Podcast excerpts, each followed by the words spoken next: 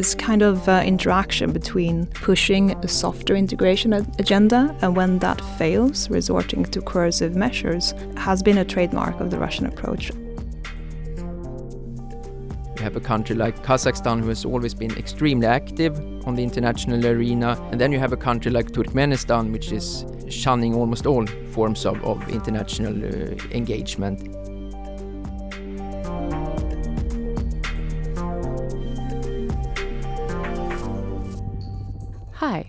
This is a special edition of the FOI podcast.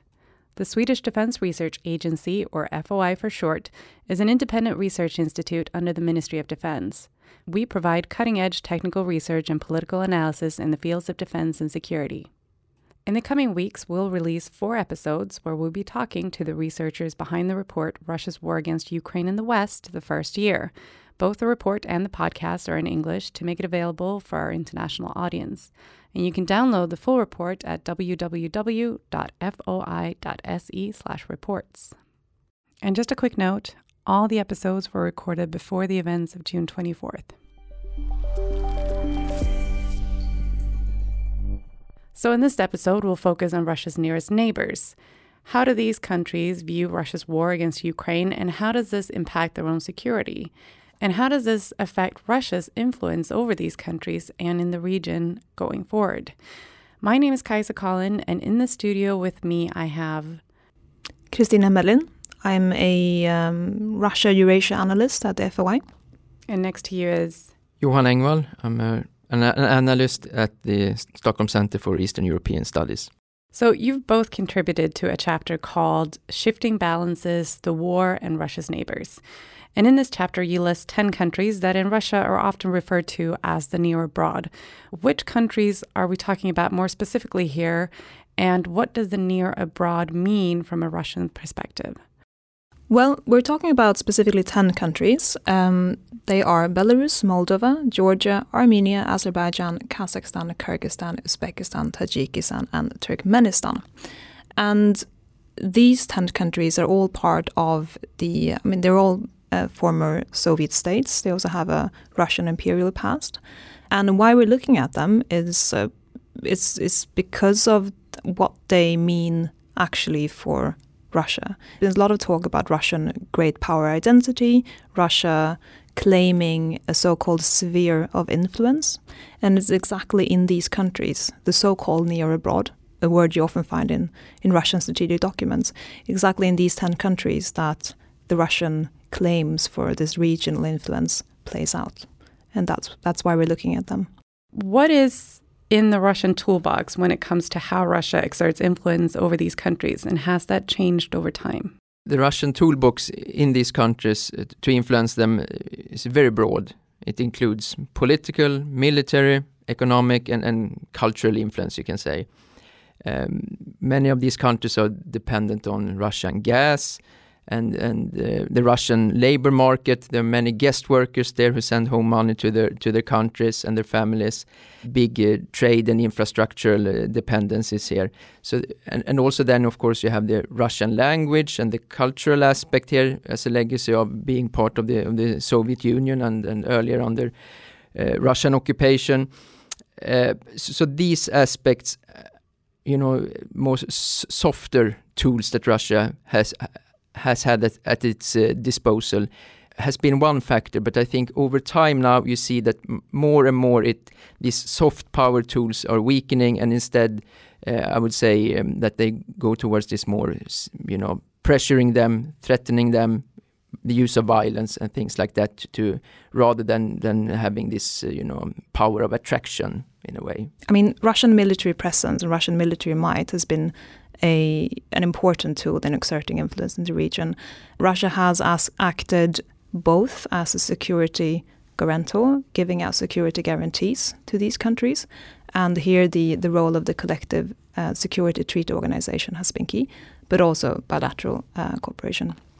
But when this has failed and more softer approaches have failed, Russia has also in the past um, resorted to coercion instead and Russia has constituted a not a security guarantor, but the opposite, a source of insecurity and even aggression. This kind of uh, interaction between pushing a softer integration agenda and when that fails, resorting to coercive measures has been a trademark of the Russian approach. And ultimately, it's also what we're seeing now in Ukraine since 2014. Yeah, and I mean the the military presence is so clear also all the way from Moldova to Central Asia, and and as Kristina mentioned, it's not just about the these occupied territories that they have, but they also have several military bases in in, in these countries. So, how have these countries reacted to the Russian war against Ukraine? Differently, very very differently, I'd say, and many countries in the region have, uh, to varying degrees, either stood aside from the conflict, try to be somewhat non aligned, or condemn them. And it's only Belarus that has actively uh, supported the invasion. Let's talk a little bit about Belarus because they very strongly supported Moscow and Russia in this in this war. Why is that? Why have they picked that side? Yes, Belarus has been very supportive of Russia in the war. Belarus has participated in Russia's invasion of Ukraine. They have done this by uh, providing Russia with, the with Belarusian territory to use at its will for um, airstrikes and ground attacks. We remember that a part of the Kiev offensive actually went from Belarusian soil. Um, Belarus has also provided um, Russia with logistics supports, uh, ammunition, and so forth. So Belarus has very much been an active part of, of, of the war, though not with its own troops in in uh, in Ukraine. And why is this? Um, Belarus' highly authoritative, repressive regime uh, has been increasingly dependent on the Kremlin, on Moscow, for its political survive, survival, ultimately, since the 2020 crisis in Belarus. And during this crisis, large parts of Belarusian society rose up against the regime after 20 plus years of, of very authoritarian rule demanding democratic change. This was, um, this was ultimately um, prevented by a very rough response by the Belarusian regime, propped up by Russian support. And it's because of this dynamic that the Belarusian regime has become increasingly dependent on the on, on, on the Kremlin, and the Kremlin can exert its influence even more in Belarus. And the key thing here to mention is that there is a very there is there is a real difference between how the Belarusian regime is supporting the Russian war and how the Belarusian people uh, view the Belarusian regime and Russia's war. Uh, there is still a, a, major opposition towards the regime, and few, very few Belarusian would support a Belarusian incursion into Ukraine. But at this point, Belarus is very far under Russia's sway. Belarus has burned, the Belarusian political leadership has burned, you know, all bridges with both Ukraine and the West. And it's very hard to see a way back for Belarus into its traditional balanced approach in, in foreign relation, where it managed to uphold relation with both Russia and the West. Another country um, that is mentioned in the report that has taken sort of the opposite side is Moldova, where they've condemned the war. And in, in your report, they say they moved, you say they moved closer to the West. Why is that? For Moldova, the war in Ukraine and neighboring Ukraine has really confirmed, uh, reconfirmed, I would say, that, that Russia is a security threat. Moldova has um, this breakaway republic, Transnistria, to the northeast of the country, bordering to Ukraine, which is um, led by, by Russia backed separatists.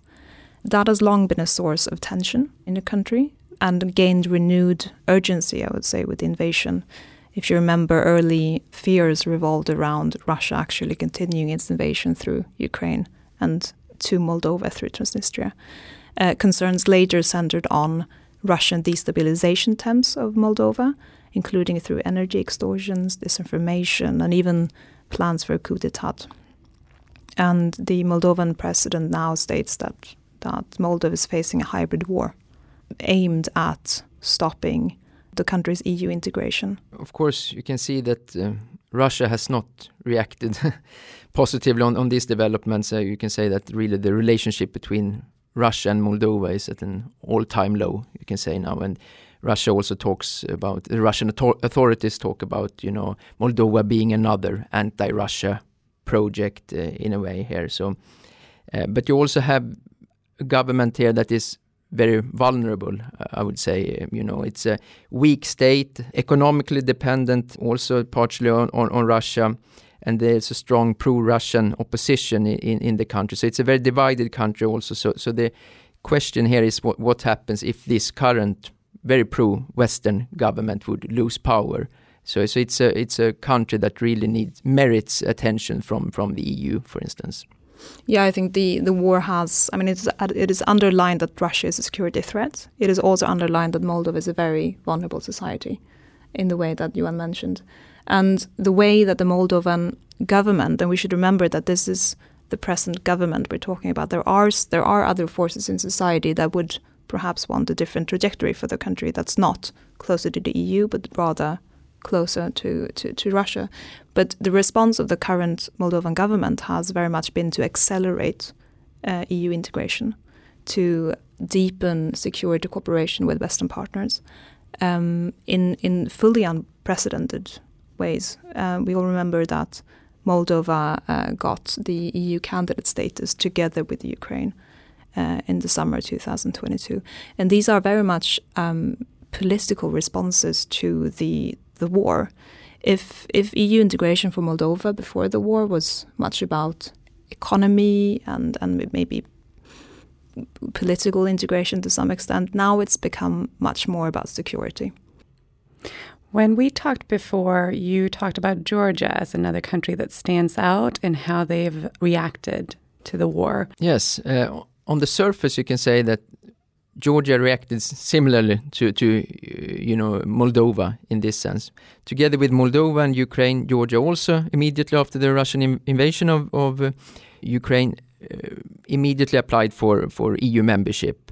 But unlike Moldova and um, Ukraine, the EU did not grant uh, Georgia candidate status. So instead, they gave them 12 recommendations that they needed to fulfill uh, in order to, to achieve this uh, candidate status. And this will be evaluated now in the autumn this year. So, so essentially here, Georgia was left in the waiting room, you can say, to, to the EU. And this was not something that the government in Georgia reacted to positively. They have since then really aligned more with Russia in their foreign policy, and they have engaged in a very hostile anti-Western rhetoric, you can say. So, so in Georgia, there's a very much a deteriorating situation, and it's on several levels. Levels, you can say. You have this geopolitical fight over the influence of Georgia between Russia and, and the West. But then you also have a very difficult domestic political situation where you basically have a country that is run by a billionaire uh, informally you know sometimes we talk about this kind of state capture when a state has been hijacked to to just rather than service the population it serves the interests of of, of uh, this billionaire and his uh, entourage you can say. But then you have a very pro european population the Georgian people, more than 80% supports European integration, but they have really no way of influencing the government because the, the connection here between the, the state and society is basically broken. So the only way they mobilize is to engage in these mass protests and all that. So it's a it's a country that's really on the edge right now. Yeah, and I think this um, what you what you point out here is important that it holds true for other countries as well. This this division or this difference between um, the political leadership and, and, and, and, the people. Same goes for Belarus, which I mentioned before. The Belarusian um, regime is very uh, dependent on Russia and very much behind Russia in its war against Ukraine. But that doesn't hold true necessarily for the Belarusian people, who um, seemingly uh, would oppose a direct involvement by Belarus in the war very much and large part of Belarusian society still retains its opposition towards the Belarusian regime. There, there's significant parts of, of Moldovan society who also uh, wants closer relationships with with Russia, uh, and are not ready to to have a clean break with Moscow as as the uh, Moldovan government would have it. And this, um, I think, this holds true for for more countries as well. And this this tension between the political leadership's responses, immediate immediate responses to the war, and enduring, uh, you know, developments and ties in, in in society will be a source of tension going forward as well. In Central Asia, namely you know, the countries Kazakhstan, Kyrgyzstan, Tajikistan, Turkmenistan, and Uzbekistan. So let's talk about these countries um, and what stands out, which countries stand out in that group, and and how they've reacted so far. The Central Asian countries, you can also say they are very often just you know lumped together as these stand countries in in uh, they're similar and, and like that. But in reality, they are also very different among one another, and that's differences in in uh, economic development, political independence, and also the foreign policy approaches. You can say you have a country like Kazakhstan who has always been extremely active on the international arena, being uh, initiating various. Um, multilateral cooperation formats and things like that. And then you have a country like Turkmenistan, which is you know, shunning almost all forms of, of international uh, engagement and instead it just wants to be left alone basically. So, so there are very much differences also here, but in general you can say that none of these countries have traditionally um, moved away really from from Russia. There, there's differences. Some of them are part of these Russian uh, Russian uh, led uh, organizations here, like the Collective Security Treaty organizations and the Eurasian Economic Union, which was men mentioned earlier here. But all of them have have their different close relations with Russia, and it comes, of course, from historic and, and geographical geographical proximity here to Russia, of course, and this shared destiny in a way. But there are also, you know, these economic, military, security aspects that that they Russia has traditionally provided, a, you know, been an impo very important partner for them. And also in these countries, you can say that Russian culture and the information sphere is very much controlled by by Russian suppliers here and then the media here media broadcasters. So so the the Russian narrative on the war and uh, developments in the world in general uh, has quite a strong grip on, on, these societies. They are sometimes seen a little bit as the Russia's last fortress here outside of its own borders here.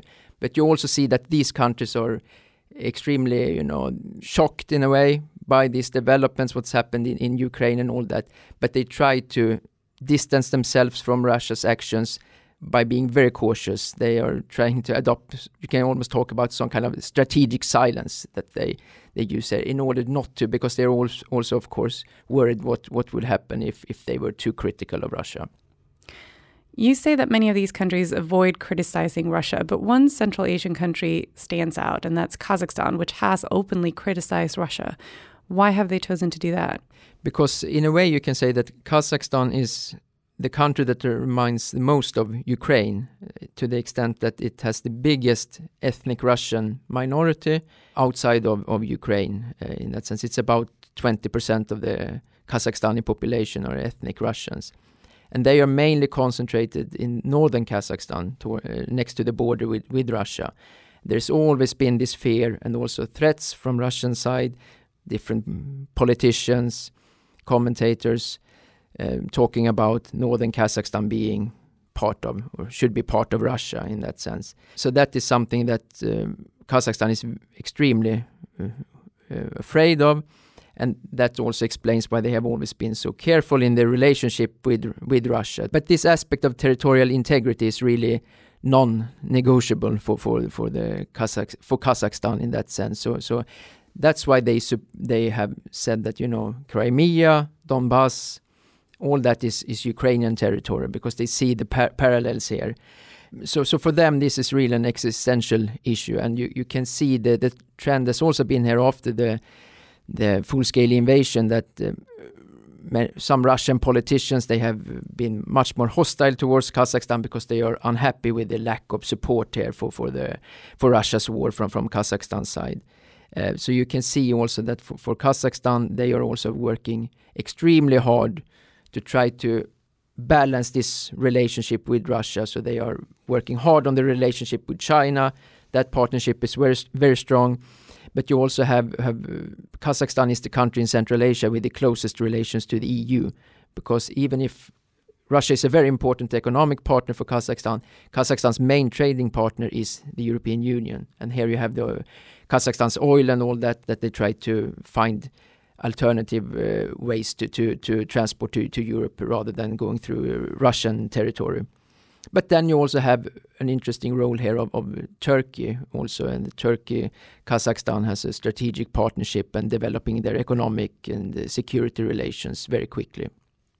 A quick addition to what you're saying, Johan. Um, I think also it's interesting that Kazakhstan's measured, we could say, approach to to uh, Russia's war against Ukraine stands in some contrast to the CSTO intervention into Kazakhstan in January 22, uh, which was when um, the Russia led Security Pact, CSTO, led an intervention into Kazakhstan to prop up the Kazakh regime during an area and, and at a time of internal protests.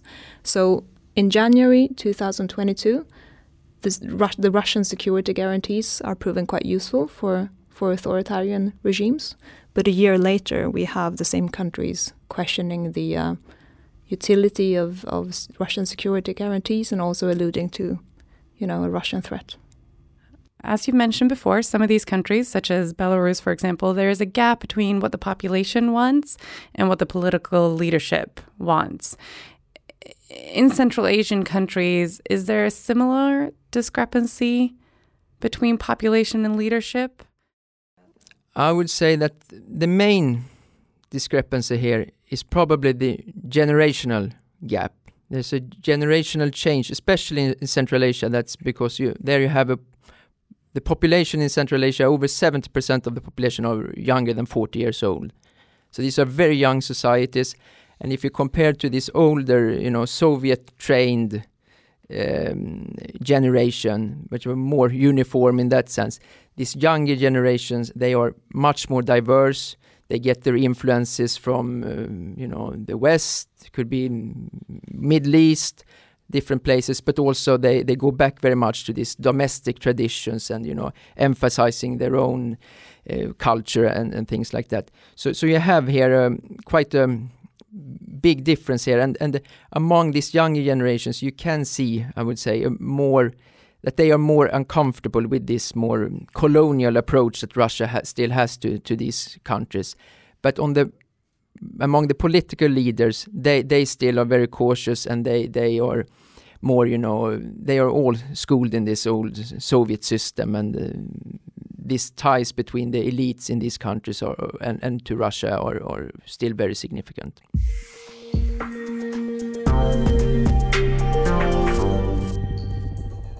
Leaving Central Asia, uh, there are two other countries that we should mention, which is Armenia and Azerbaijan. How did these two countries react to the war in Ukraine? When you discuss Armenia and Azerbaijan, you have to go back uh, historically and look at the Nagorno-Karabakh conflict. These countries are at heads uh, because they have a territorial dispute over a, a mountainous region called Nagorno-Karabakh. 2020, there was a war, and as part of the ceasefire agreement, uh, Russian peacekeepers were sent there, introduced, in order to keep the ceasefire lines. What has happened during the war is that Azerbaijan has made further territorial gains on Armenian territory. And this has been happening without Russia being able to stop it, essentially.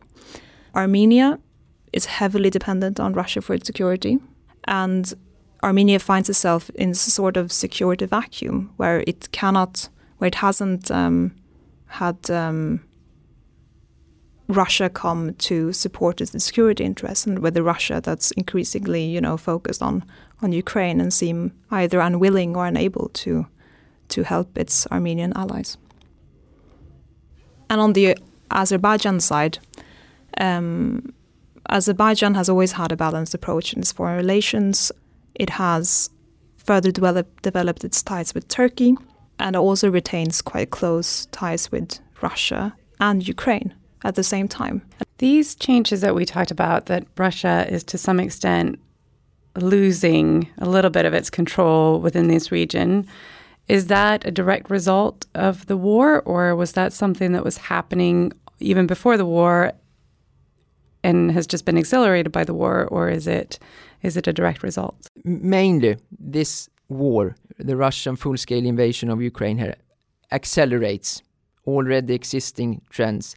You can see that, for instance, take Central Asia, for instance, all these countries have tried to develop this kind of balanced foreign policy. So, and this has been going on for, you know, since the 1990s, where they, of course, they have these strong relations with Russia, but they complement them with, uh, you know, ties to China, of course, which is the most important for them, but also also the EU, the US, Turkey, Iran, other countries.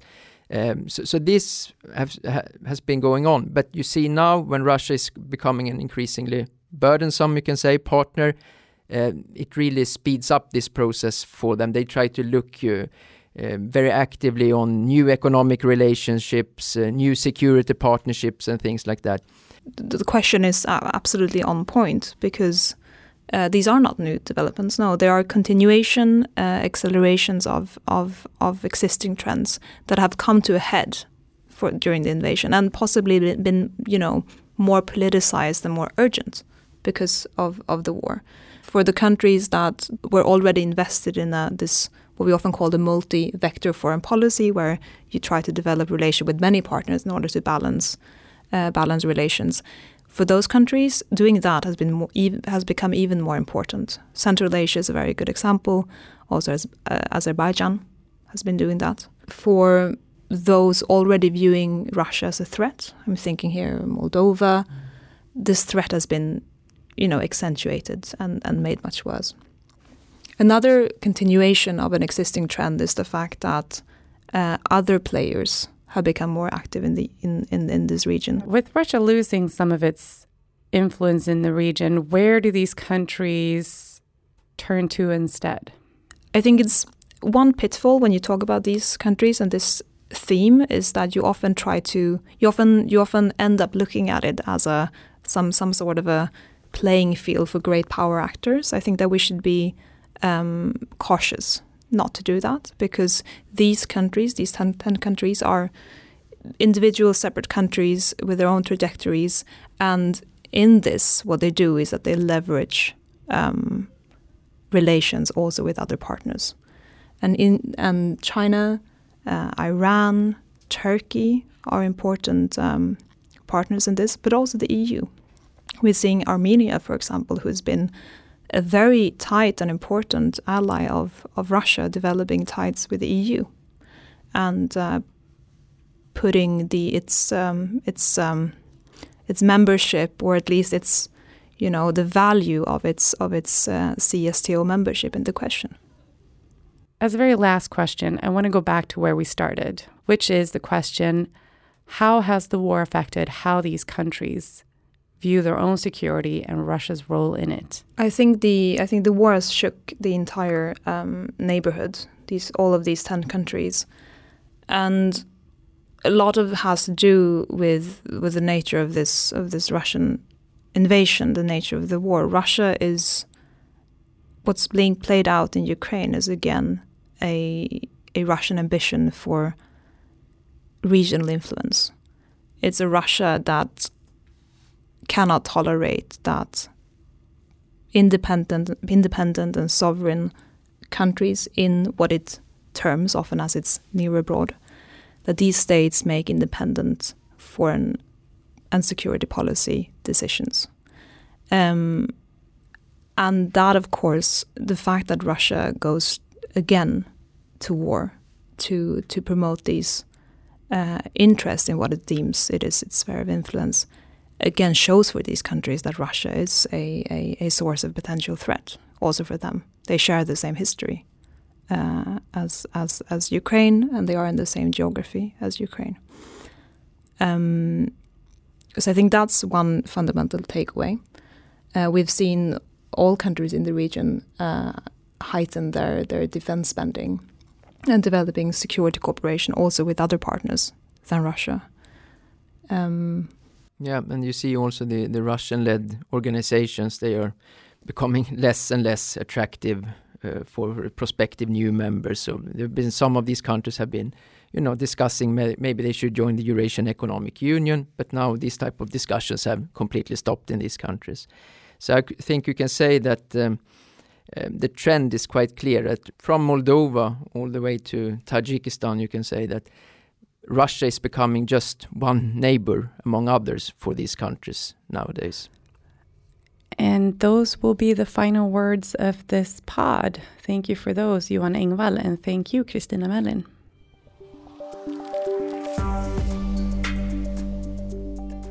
My name is Kaisa Collin, and this podcast was produced by the Swedish Defense Research Agency. In this four part series, you'll hear from the researchers behind the report Russia's War Against Ukraine in the West, the First Year. To find out more and download the full report, visit www.foi.se.